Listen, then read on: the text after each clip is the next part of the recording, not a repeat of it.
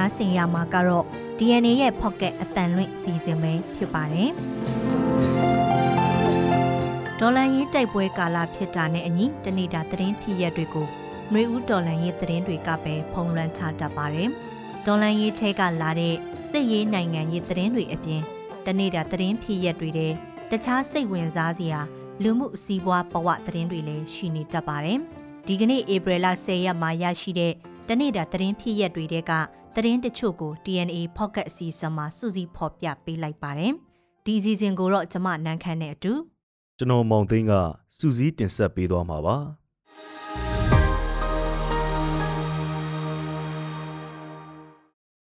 ပထမဦးဆုံးသတင်းတစ်ပုဒ်အနေနဲ့တရုတ်ထောက်လိုင်းရေးစခန်းကိစ္စသတင်းထွက်နေချိန်ကိုကိုကျွန်းကိုတွားတဲ့စစ်ကောင်းဆောင်အကြောင်းကိုပြောပြပါမယ်။တရုတ်အကူအညီတိစောက်နေတဲ့ထောက်လိုင်းရေးစခန်းတစ်ခုဒါမှမဟုတ်တရုတ်စစ်သားတွေအထိုင်ချတက်ဆွဲဖို့ ထောက်လိုင်းရေးစခန်းတစ်ခုတိစောက်နေတယ်လို့နိုင်ငံတကာသတင်းတွေကြေကြေပြန့်ပြန့်ထွက်ပေါ်နေချိန်မှာစစ်ကောင်းဆောင်မင်းအောင်လှိုင်ရဲ့ကိုကိုကျွန်းခီးစဉ်ထွက်ပေါ်တာကြောင့်ပြည်တွင်းပြည်ပအာယုံစိုက်မိစရာခရီးတစ်ခုဖြစ်လာပါတယ်။စစ်တပ်ကလွှမ်းမိုးထားတဲ့တပ်မျိုးတစ်ခုလိုဖြစ်နေတဲ့ကိုကိုကျွန်းမှာစစ်ဘက်ဆိုင်ရာအဆောက်အုံတိုးချဲ့ဆောက်လုပ်မှုတွေရှိနေပြီးတရုတ်ထောက်လိုင်းရေးစခန်းလည်းဖြစ်နိုင်တဲ့အကြောင်းဂျိုရုတပ်ပုံမှတ်တမ်းတွေကိုအခြေခံပြီးအခုလာဇန်ပိုင်းမှာသတင်းတွေကြေကြေပြန့်ပြန့်ထွက်ပေါ်လာပါတယ်။အာနာသိန်းစစ်ကောင်းဆောင်မင်းအောင်လှိုင်ဟာရန်ကုန်မြို့နဲ့ ရေမိုင်260အကွာကကိုကိုကျွန်းကိုဧပြီ9ရက်ကတွားရောက်ခဲ့တယ်လို့စစ်ကောင်စီထိန်းချုပ်ထားတဲ့နိုင်ငံပိုင်မီဒီယာတွေနဲ့စစ်တပ်လက်အောက်ခံမီဒီယာတွေကဖော်ပြပါတယ်။ဒီခီးစဉ်ဟာကိုကိုကျွန်းမြို့နယ်အတွင်းကပ်ပလီပင်လယ်နဲ့ဘင်္ဂလားပင်လယ်အော်တို့စုံမှတ်နေရမှာအောင်မြေအထိမ့်မှတ်ကြောက်တိုင်စိုက်ထူတဲ့အခမ်းအနားကိုတက်ရောက်ဖို့သွားတဲ့ခီးစဉ်လို့သတင်းထုတ်ပြန်ချက်တွေကဆိုပါတယ်။အခုလိုကြောက်တိုင်စိုက်ထူဖို့ကိုလည်းစစ်ကောင်းဆောင်မင်းအောင်လှိုင်က2021ခုနှစ်ဒီဇင်ဘာလအတွင်းကိုကိုကျွန်းကိုတွားရောက်ချိန်မှာ မှာကြားခဲ့တာလို့စစ်ကောင်စီသတင်းထုတ်ပြန်ချက်တွေမှာဖော်ပြထားပါတယ်။ဒီခီးစဉ်အတွင်းအာနာသိန်းစစ်ကောင်းဆောင်ကဌာနဆိုင်ရာဝန်ထမ်းတွေရမီရဖတွေနဲ့တွေ့ဆုံချိန်မှာနိုင်ငံရေးအစိုးရလက်ထက်ကိုကိုကျွန်းဒေတာဟာအချင်းချင်းစီးလုံးညီညွတ်မှုအားနည်းပြီးဒေတာဖွံ့ဖြိုးတိုးတက်ရေးနှောင့်နှေးခဲ့တယ်လို့အပြစ်တင်ခဲ့ပါသေးတယ်။ပြီးခဲ့တဲ့အယက်သားအစိုးရလက်ထက်တွေမှာပါတီနိုင်ငံရေးပြိုင်ဆိုင်မှုရှိခဲ့တာတွေကိုစစ်ကောင်းဆောင်ကအလိုမကျတဲ့ပုံပြောဆိုခဲ့တာပါတသက်တကြွန်းကြပြစ်ဒဏ်ကြခံရတဲ့နိုင်ငံရေးအကျဉ်းသားတွေကို ထိမ့်သိမ့်တဲ့နေရာဖြစ်ခဲ့တယ်လို့စစ်တပ်မျိုးတစ်ခုလိုလည်းဖြစ်ခဲ့တဲ့ကိုကိုကျွန်းမှာပါတီနိုင်ငံရေးပြိုင်ဆိုင်မှုရှိခဲ့တာတွေကိုအာဏာသိမ်းစစ်ကောင်းဆောင်ကမလိုလားတာလဲဒီပြောစကားကြောင့်ပေါ်လွင်သွားပါတယ်ဆက်လက်ပြီးတော့အေအေနှစ်ပတ်လည်နေ့တဝန်လွာတွေကပြောတဲ့တော်လန်ရေးသတင်းစကားများဆိုတဲ့အကြောင်းကိုပြောပြပေးပါမယ်။2020အထွေထွေရွေးကောက်ပွဲမတိုင်မီစစ်တပ်နဲ့အပြစ်အခတ်ရက်စဲခဲ့ပြီးအာဏာသိမ်းပြီးတဲ့နောက်တကြော့ပြန်တိုက်ပွဲဖြစ်ခဲ့သေးတဲ့ရခိုင်တပ်တော် AA ဟာ နှွေဦးတော်လန်ရေးကာလအစောပိုင်းမှာတော်လန်ရေးအင်အားစုတွေကိုအတန်တိတ်ကူညီခဲ့တာပါလက်ရှိမှာလဲစစ်ကောင်စီနဲ့အပြစ်အခတ်ရက်စဲထားပေမဲ့ရခိုင်တပ်တော် AA ကောင်းဆောင်တချို့ဟာနှွေဦးတော်လန်ရေးအင်အားစုတွေနဲ့ဆက်ဆက်ပတ်သက်မှုရှိနေကြောင်းပေါ်ပေါ်ထင်ထင်ပြောဆိုရက်တီပြတာမျိုးတွေလည်းရှိနေပါတယ်။ဒီကနေ့ကြာရောက်တဲ့ရခိုင်တပ်တော် AA တီထောင်ချင်း14နှစ်မြောက်နှစ်ပတ်လည်နေ့မှာတော့အမျိုးသားညီညွတ်ရေးအစိုးရ NUG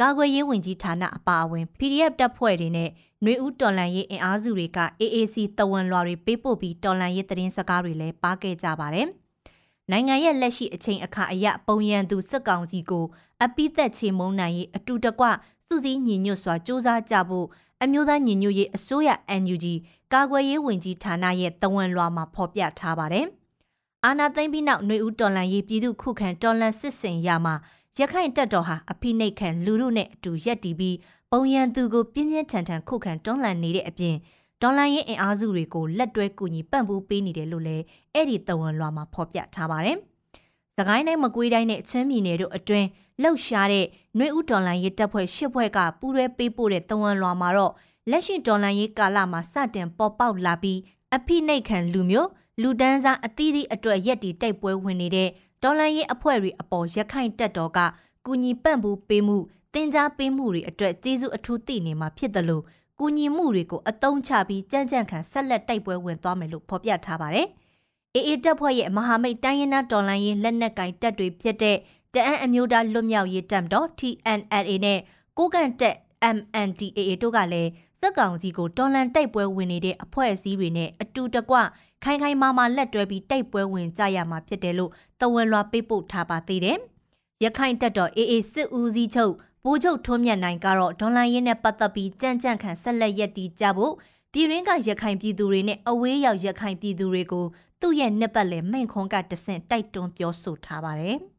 ။နောက်ထပ်သတင်းတစ်ပုဒ်အနေနဲ့ဖလန်းမြို့နယ်ကနှစ်နေရာမှာစေအုပ်စုကတရက်တည်းလေကြောင်းတိုက်ခိုက်မှုတွေလုပ်ခဲ့တဲ့သတင်းကိုတင်ဆက်ပါမယ်။ချင်းပြည်နယ်ဖလန်းမြို့နယ်ကနှစ်နေရာကိုဒီကနေ့တရက်တည်းစေအုပ်စုကလေကြောင်းပစ်ခတ်တိုက်ခိုက်မှုတွေလုပ်ခဲ့ပြီး အရက်သားထိခိုက်ဒေဆုံးမှုတွေရှိခဲ့တယ်လို့ဒေသခံတွေနဲ့ဒေသတွင်းမီဒီယာတွေရဲ့ဖော်ပြချက်တွေအရသိရပါဗျ။စစ်ကောင်စီဟာဖလန်းမြို့နယ်မြောက်ပိုင်းကဘားရွာအနီးနဲ့ဝေဘူလာရွာအနီးတို့ကိုဒီကနေ့မနက်ပိုင်းနဲ့နေ့လယ်ပိုင်းတွေမှာလေကြောင်းကနေဘုံကျဲတိုက်ခိုက်မှုတွေလုပ်ခဲ့တာပါ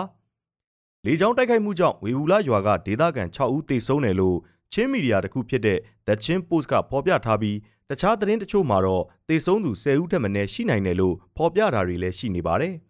ဘုံကျဲတိုက်ခိုက်မှုလုပ်တဲ့အကြောင်းရင်းကိုအသေးစိတ်မသိရသေးပေမဲ့ဖလန်းမျိုးနဲ့17မိုင်ဝန်းကျင်အကွာမဏိပူရမြစ်ကမ်းဘေးကဘားရွာအနီးမှာတော့ဒီကနေ့မနက်ပိုင်းကတိုက်ပွဲတစ်ခုရှိခဲ့ပါတယ်။အဲ့ဒီရွာအနီးကစစ်ကောင်စီခလာရ268လက်အောက်ခံတပ်စခန်းတစ်ခုကိုချင်းတော်လန်ရေးတပ်တစ်ခုဖြစ်တဲ့ CNDF ကစီးနှင်းတိုက်ခိုက်ခဲ့တာလို့ဒေတာရင်းမီဒီယာတွေရဲ့ဖော်ပြချက်တွေနဲ့ဒေတာကန်တွေပြောစကားအရ DNA ကအတည်ပြုနိုင်ပါတယ်။ ဘားရွာတိုက်ပွဲမှာ CNDF ကစခန်းကိုမိရှို့ဖျက်ဆီးပြီးလက်နက်တချို့သိမ်းယူသွားခဲ့တယ်လို့လည်းဆိုပါတယ်။အဲဒီနောက်စစ်ကောင်စီကလေကြောင်းကဘုံကျဲတိုက်ခိုက်မှုတွေလုပ်ခဲ့တာပါ။စက်ကောင်စီကတကြံမန်းတက်တွေအနီးမတင်ကားသူမှန်သမျှပြစ်ခတ်ဖမ်းဆီးမယ်လို့ဆိုတဲ့အကြောင်းကိုဆက်လက်ပြောပြပေးပါမယ်။လာမယ့်တကြံပွဲတော်ကိုတနိုင်ငံလုံးမှာစီစီကားကားကျမမယ်လို့ဆိုထားပေမဲ့တကြံမတိုင်မီကလေးကစက်ကောင်စီရဲ့မန်းတက်တချို့ဖောက်ခွဲတိုက်ခိုက်ခံရမှုတွေ စက်တိုက်ရှိလာပြီးနောက်မန်းတက်တွေအနီးမတင်ကားသူမှန်သမျှပြစ်ခတ်ဖမ်းဆီးမယ်လို့စက်ကောင်စီကအတန်လွင့်လာပါတယ်။ကရင်ပြည်နယ်ဖအံမြို့မှာကျမမဲ့တကြံမန်းတက်တွေမှာလုံခြုံရေးအထူးတပ်ဖွဲ့တွေချထားမှဖြစ်တယ်လို့ပြစ်ခတ်ဖမ်းဆီးခွင့်အမိန့်လည်းပေးထားတယ်လို့ခေတ်သစ်သတင်းဌာနကဖော်ပြထားသလိုရန်ကုန်တိုင်းမှာလည်းအလားတူစီမံထားတယ်လို့အမည်မဖော်လိုတဲ့ဌာနဆိုင်ရာအရာရှိတဦးက DNA ကိုပြောပါတယ်။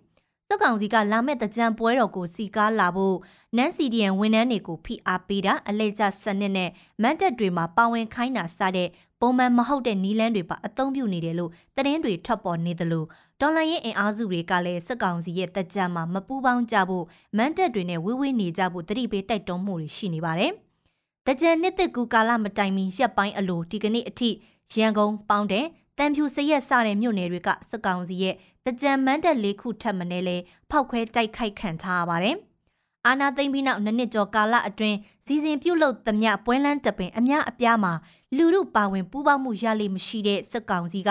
လာမဲ့တကြံပွဲတော်စီကားတယ်ဆိုတဲ့ပုံရိပ်ရယူပြီးနိုင်ငံရေးအရာအတုံးချဖို့ပြင်ဆင်နေတဲ့ဆိုတဲ့သုံးသက်ချက်တွေလည်းရှိနေတာပါ မြမရိုးရတကြံပွဲတော်ကိုကမ္ဘာရင်ကျေးမှုအမွေအနှစ်စည်ရင်တင်နိုင်ဖို့အတွက်လာမဲ့တကြံကာလမှာရုပ်တံမှတ်တမ်းတွေရိုက်ကူးမှာဖြစ်တယ်လို့လည်းစက်ကောင်စီလက်အောက်ခံရင်ကျေးမှုဝင်ကြီးဌာနကထုတ်ပြောထားပါတယ်။နောက်ထပ်သတင်းတစ်ပုဒ်အနေနဲ့မြန်မာတော်လန်ရေးတပ်ဖွဲ့ဝင်3ဦးလွှဲပြောင်းခံရမှုထိုင်းနိုင်ငံရေးပါတီကဝေဖန်တဲ့သတင်းကိုတင်ဆက်ပါမယ်။ကရင်ပြည်နယ်တွင်းအခြေစိုက်တဲ့ဒေါ်လာရင်းတပ်ဖွဲ့ဝင်3ဦးထိုင်းနိုင်ငံနဲ့ဖမ်းဆီးခံရပြီးနောက်မြန်မာစစ်တပ်စီပြန်လည်လွှဲပြောင်းခံရတာနဲ့ပတ်သက်လို့ ထိုင်းနိုင်ငံကတရားဝင်နိုင်ငံရေးပါတီတစ်ခုဖြစ်တဲ့အခြေခံလူဒန်းစားပါတီကထိုင်းနိုင်ငံအာဏာပိုင်တွေကိုဝေဖန်လိုက်ပါတယ်။မဲဆောက်မြို့မှာစေကူသားဖို့တွားရကလမ်းမှာပြီးဖမ်းဆီးခံလိုက်ရတဲ့ Lion Battalion ဗျူဟာစစ်ကြောင်းကတပ်ဖွဲ့ဝင်3ဦးဟာစစ်ကောင်စီလက်အောက်ခံ BGF လက်ထဲလွှဲပြောင်းခံရပြီးကြာဆုံးသွားပြီလို့သတင်းတွေထွက်နေပေမဲ့စေအုပ်စုထောက်ခံတဲ့လူမှုကွန်ရက်စာမျက်နှာတွေနဲ့ channel တွေမှာတော့သုံးဦးလဲတက်ရှိထင်ရှားရှိနေသေးတယ်လို့ဆိုကြပါတယ်။ထိုင်းနိုင်ငံကအခြေခံလူရန်စားပါတီကတော့ဒီဖြစ်စဉ်ဟာ ပြည်တွင်းနဲ့နိုင်ငံတကာဥပဒေတွေကိုချိုးဖောက်တာလို့ထိုင်းအာဏာပိုင်တွေကိုဝေဖန်ပါတယ်။ဒီဖြစ်စဉ်ဟာထိုင်းပြည်တွင်းဥပဒေတစ်ခုဖြစ်တဲ့ညင်မနှိပ်စက်မှုစန့်ကျင်ရေးနဲ့လူပျောက်ဆုံးစေမှုအဥပဒေကိုချိုးဖောက်တာဖြစ်တယ်လို့ဂျနီဗာကွန်ဗင်းရှင်းပါစစ်ဥပဒေသားဆိုင်ရာပြဋ္ဌာန်းချက်ချိုးဖောက်မှုလည်းဖြစ်တယ်လို့အဲ့ဒီပါတီကပြောပါတယ်။ဒါအပြင်လူသားကုန်သိက္ခာကိုအယိုသေးတန်စေတဲ့ဖြစ်ရဖြစ်တယ်လို့ထိုင်းအစိုးရကမြန်မာစစ်တပ်ရဲ့တောင်းဆိုမှုအတိုင်းလိုက်လျောကစစ်ရာဇဝတ်မှုကြံရပါအဖြစ်တာဝန်ခံရနိုင်တယ်လို့လည်းပြင်းပြင်းထန်ထန်ဝေဖန်ထားပါတယ်။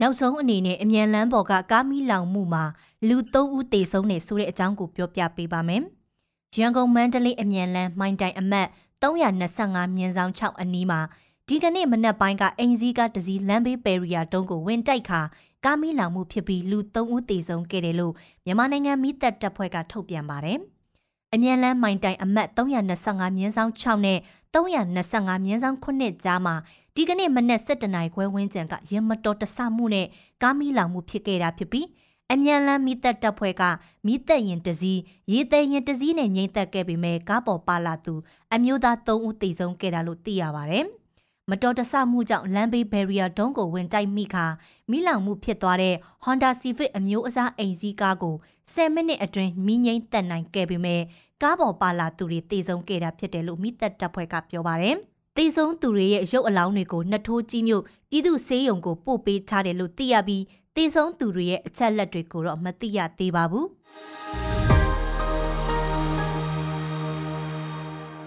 အခုနိုင်ငံတကာသတင်းအစီအစဉ်ကိုနန်းခမ်းကဆက်လက်တင်ဆက်ပေးပါမယ်။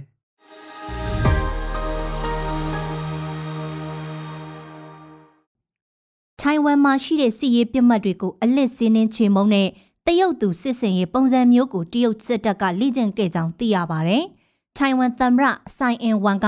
အမေရိကန်ကိုတွားရောက်လဲပတ်ပြီးပြန်လာချိန်မှာတရုတ်ရေတပ်နဲ့လေတပ်ကထိုင်ဝမ်ကျွန်းပတ်ပတ်လဲကိုဖျက်ကျက်ပြီးစစ်ရေးလေ့ကျင့်နေခဲ့တာဖြစ်ပါတယ်။ပြီးခဲ့တဲ့သတင်းပတ်ကုံကစတင်တဲ့စစ်ရေးလေ့ကျင့်မှုတွေအတွင်းတရုတ်ရဲ့စစ်လေယာဉ်တွေနဲ့ရေယာဉ်တွေဟာထိုင်ဝမ်ရေလက်ကြားကနယ်နိမိတ်မြင်းကိုနေကျော်ဖျက်တမ်းခဲ့တယ်လို့ထိုင်ဝမ်စစ်ဖက်ကပြောပါတယ်။ ထိုင်ဝမ်ကျွန်းတဝိုက်မှာတရုတ်စစ်တပ်ဟာစစ်သမ်းမော၁၁စီးနဲ့လင်းရင်အစီး80လောက်ကိုဖြန့်ကျက်ထားပြီးစစ်ရေးလေ့ကျင့်မှုတွေလှုပ်ဆောင်နေတာဖြစ်ပါတယ်။ထိုင်ဝမ်ကာကွယ်ရေးဝန်ကြီးဌာနကတရုတ်ရဲ့စစ်ရေးလေ့ကျင့်မှုတွေနဲ့ပတ်သက်လို့စင်စင်ချင်းချင်းအေးအေးဆေးဆေးစောင့်ကြည့်ပြီးလိုအပ်တယ်လို့စီမံတုံ့ပြန်မှုပြင်ဆင်ထားတယ်လို့ပြောပါတယ်။တရုတ်အစိုးရရုံးမြင့်တန်ကြားဌာနတွေကထိုင်ဝမ်ကျွန်းတစ်ဝိုက်မှာမဟာဗျူဟာစစ်ရေးလေ့ကျင့်မှုတစ်ခုလှုပ်ဆောင်နေတဲ့ဆိုတာကို အတီးပြုတ်ခဲ့တယ်လို့စစ်ရေးလေ့ကျင့်မှုမှတ်တမ်းဗီဒီယိုတချို့ကိုလည်းထုတ်ပြန်ခဲ့ပါတယ်။တရုတ်ရဲ့လက်နက်ကင်တပ်ဖွဲ့တွေဟာအမိန့်ပေးထိန်းချုပ်မှုအစီအမံတစ်ခုတည်းအောက်မှာအချိတ်အဆက်မိမိစစ်စင်လှုပ်ရှားပြီးထိုင်ဝမ်ကျွန်းတဝိုက်ကစီးရီပြစ်မှတ်တွေကိုထိုးစစ်ဆင်တိုက်ခိုက်ခဲ့တဲ့ပုံစံမျိုးတွေပါလေ့ကျင့်ခဲ့တယ်လို့တရုတ်အစိုးရမီဒီယာတွေကဖော်ပြပါတယ်။ထိုင်ဝမ်ဟာကိုပိုင်နိုင်ငံရေးစနစ်နဲ့တိကျရက်တည်နေပေမဲ့တရုတ်ကတော့ထိုင်ဝမ်ကျွန်းကိုပိုင်နဲ့နေမြေအဖြစ်သတ်မှတ်ထားသလို ထိုင်ဝမ်အစိုးရကလွတ်လပ်ရေးအတွက်ပေါ်ပေါ်ထင်ထင်အားထုတ်လာတာနဲ့စစ်ရေးအရာတုံ့ပြန်မှုတွေပါရှိလာမယ်လို့ချင်းချောက်တတိပေးထားပါတယ်။ဆိုင်ဟာအမေရိကန်ကိုရောက်ရှိခဲ့ချိန်အတော်အတွင်းအမေရိကန်လွှတ်တော်ဥက္ကဋ္ဌဂီဗင်မကာတီနဲ့ပါတွေ့ဆုံခဲ့ခြင်းကြောင့်လဲတရုတ်အတွက်သောတာထွက်စီယာဖြစ်ခဲ့ပြီးအခုလိုအင်အားအလုံးအရင်အသုံးပြုထားတဲ့စစ်ရေးလေ့ကျင့်မှုတွေနဲ့တုံ့ပြန်လာတာဖြစ်ပါတယ်။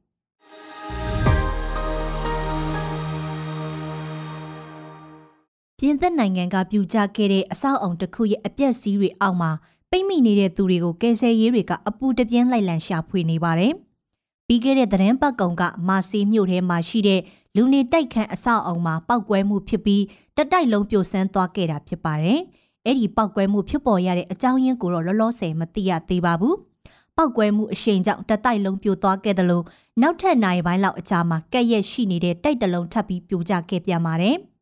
တိုက်ပြိုမှုကြောင့်လူ9ဦးဒဏ်ရာရပြီး10ဦးပျောက်ဆုံးနေကြောင်းပျောက်ဆုံးနေတဲ့သူတွေအတွက်မျောလင့်ချက်အတော်လေးနည်းနေကြောင်းမြို့တော်ဝန်ဘန်နွိုက်ဘေယန်ကပြောပါတယ်။ပြူကြတဲ့တိုက်အနီးတစ်ဝိုက်မှာနေထိုင်သူ200ကျော်ကိုတော့အရေးပေါ်ရွှေ့ပြောင်းပေးထားပြီးဖြစ်ပါတယ်။ပောက်ကွဲမှုဖြစ်ပွားတဲ့နောက်အဲ့ဒီတိုက်မှာမိဘလောင်ခဲ့သေးတာကြောင့်မိသက်ဝင်တဲ့တရားကျော်ကစူးစမ်းငိမ့်သက်ခဲ့ရပါတယ်။မိကိုအရင်ဆုံးငိမ့်သက်နေခဲ့ရတဲ့အတွက်လည်းကဲဆယ်ရေးလုပ်ငန်းဆောင်ရွက်မှုတွေနောက်နေခဲ့တယ်လို့လည်းသိရပါတယ်။ မာစီးမြို့ရဲ့ရှေ့နေချုပ်ဒေါမနစ်ရော်ရန်စ်ကပျောက်ဆုံးနေသူ၈ဦးစလုံးကိုဖုံးခေါ်ရမှာဖုံးပြန်မဖြေခဲ့ကြကြောင်းအတီးမပြုတ်နိုင်သေးပေမဲ့သူတို့အားလုံးသေဆုံးသွားတာအတော်လေးဖြစ်နိုင်ချေများကြောင်းတရင်ထောက်တွေကိုမှတ်ချက်ပေးသွားပါတယ်။ပောက်ကွဲမှုနဲ့ပတ်သက်လို့စုံစမ်းနေစေဖြစ်ပေမဲ့အဆောက်အအုံတိစောက်မှုဇနစ်နဲ့ဒီဇိုင်းပိုင်းပြဿနာတွေကြောင့်တော့မဟုတ်နိုင်ဘူးလို့ဒါဝင်ရှိသူတွေကကနက်ဦးမှတ်ချက်ပေးထားပါတယ်။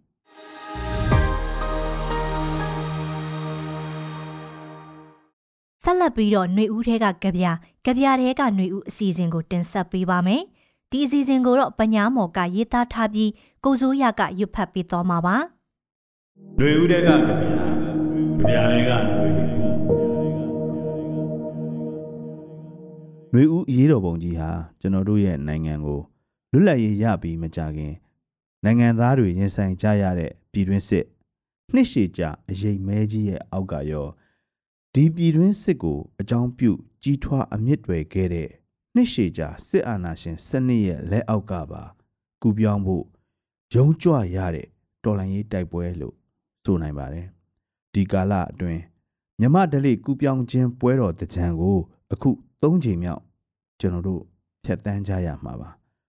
စက်နေရသည်12ပွဲအ ਨੇ ဆုံးရှိကြတဲ့မြမရိုးရာပွဲတော်တွေထဲမှာတကြံဟာ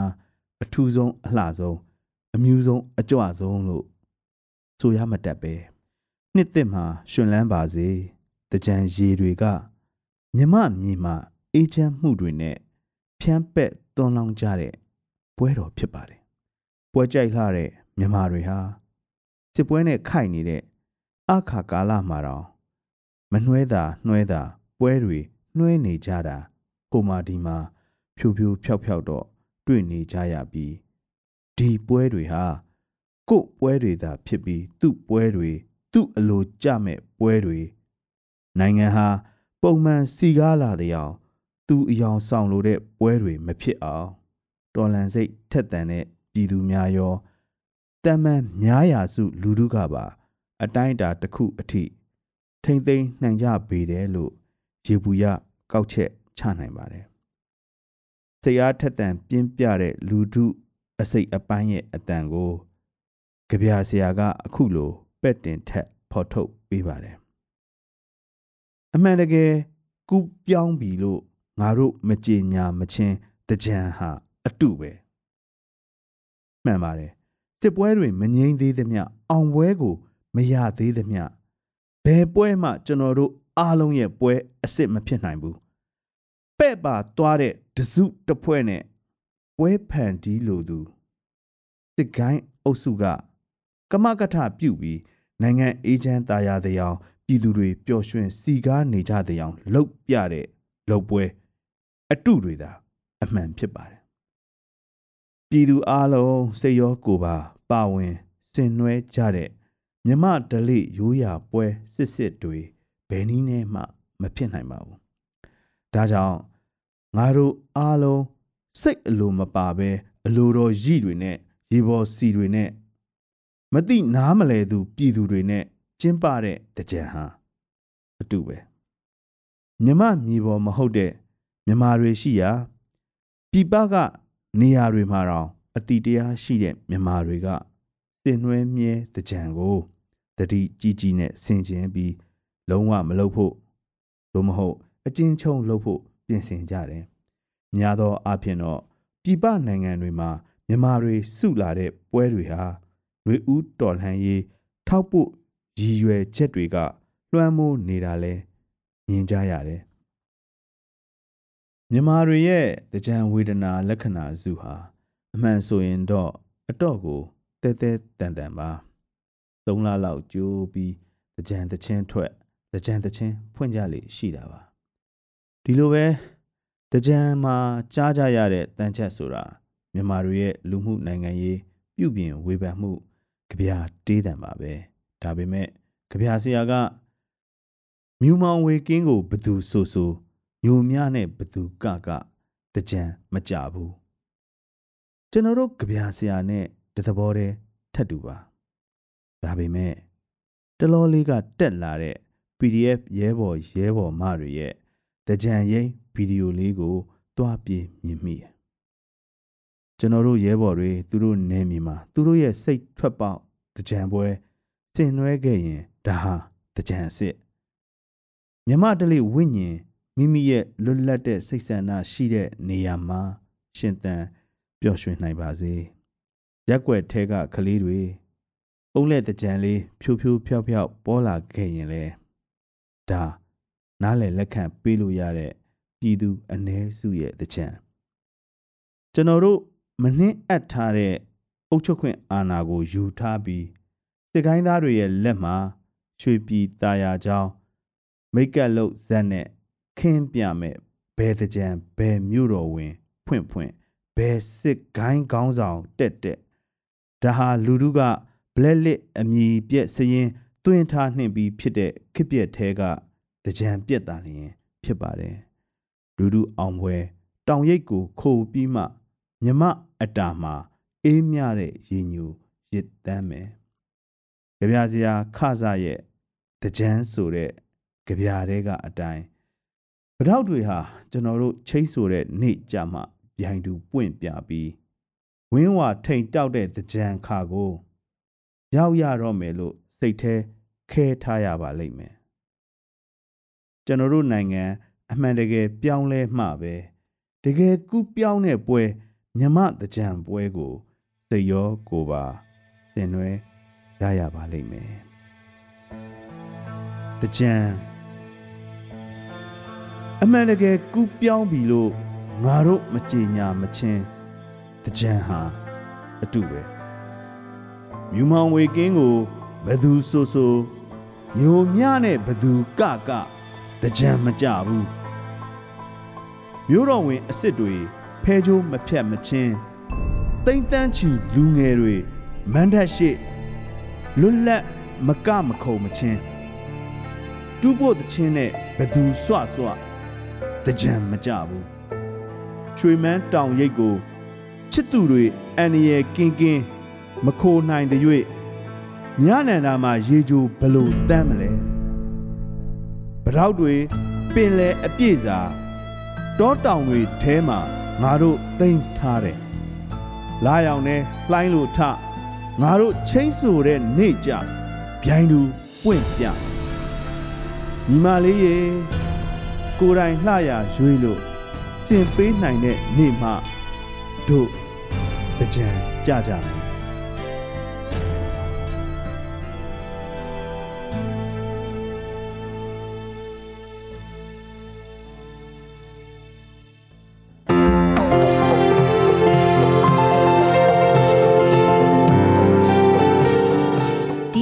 Pocket အတန်ရင်းအစီအစဉ်ကိုအပတ်စဉ်တနင်္လာနေ့ကနေတောက်ကြနေ့အထိည9:00နာရီတိုင်းမှာတင်ဆက်ပေးသွားမှာပဲဖြစ်ပါတယ်။ဒီအစီအစဉ်ကိုတော့ DNA ရဲ့ Facebook Page ကနေအပြင် Anchor, Spotify နဲ့ Google Pocket တို့တွေကနေတဆင့်လဲနားဆင်နိုင်ပါတယ်ရှင်။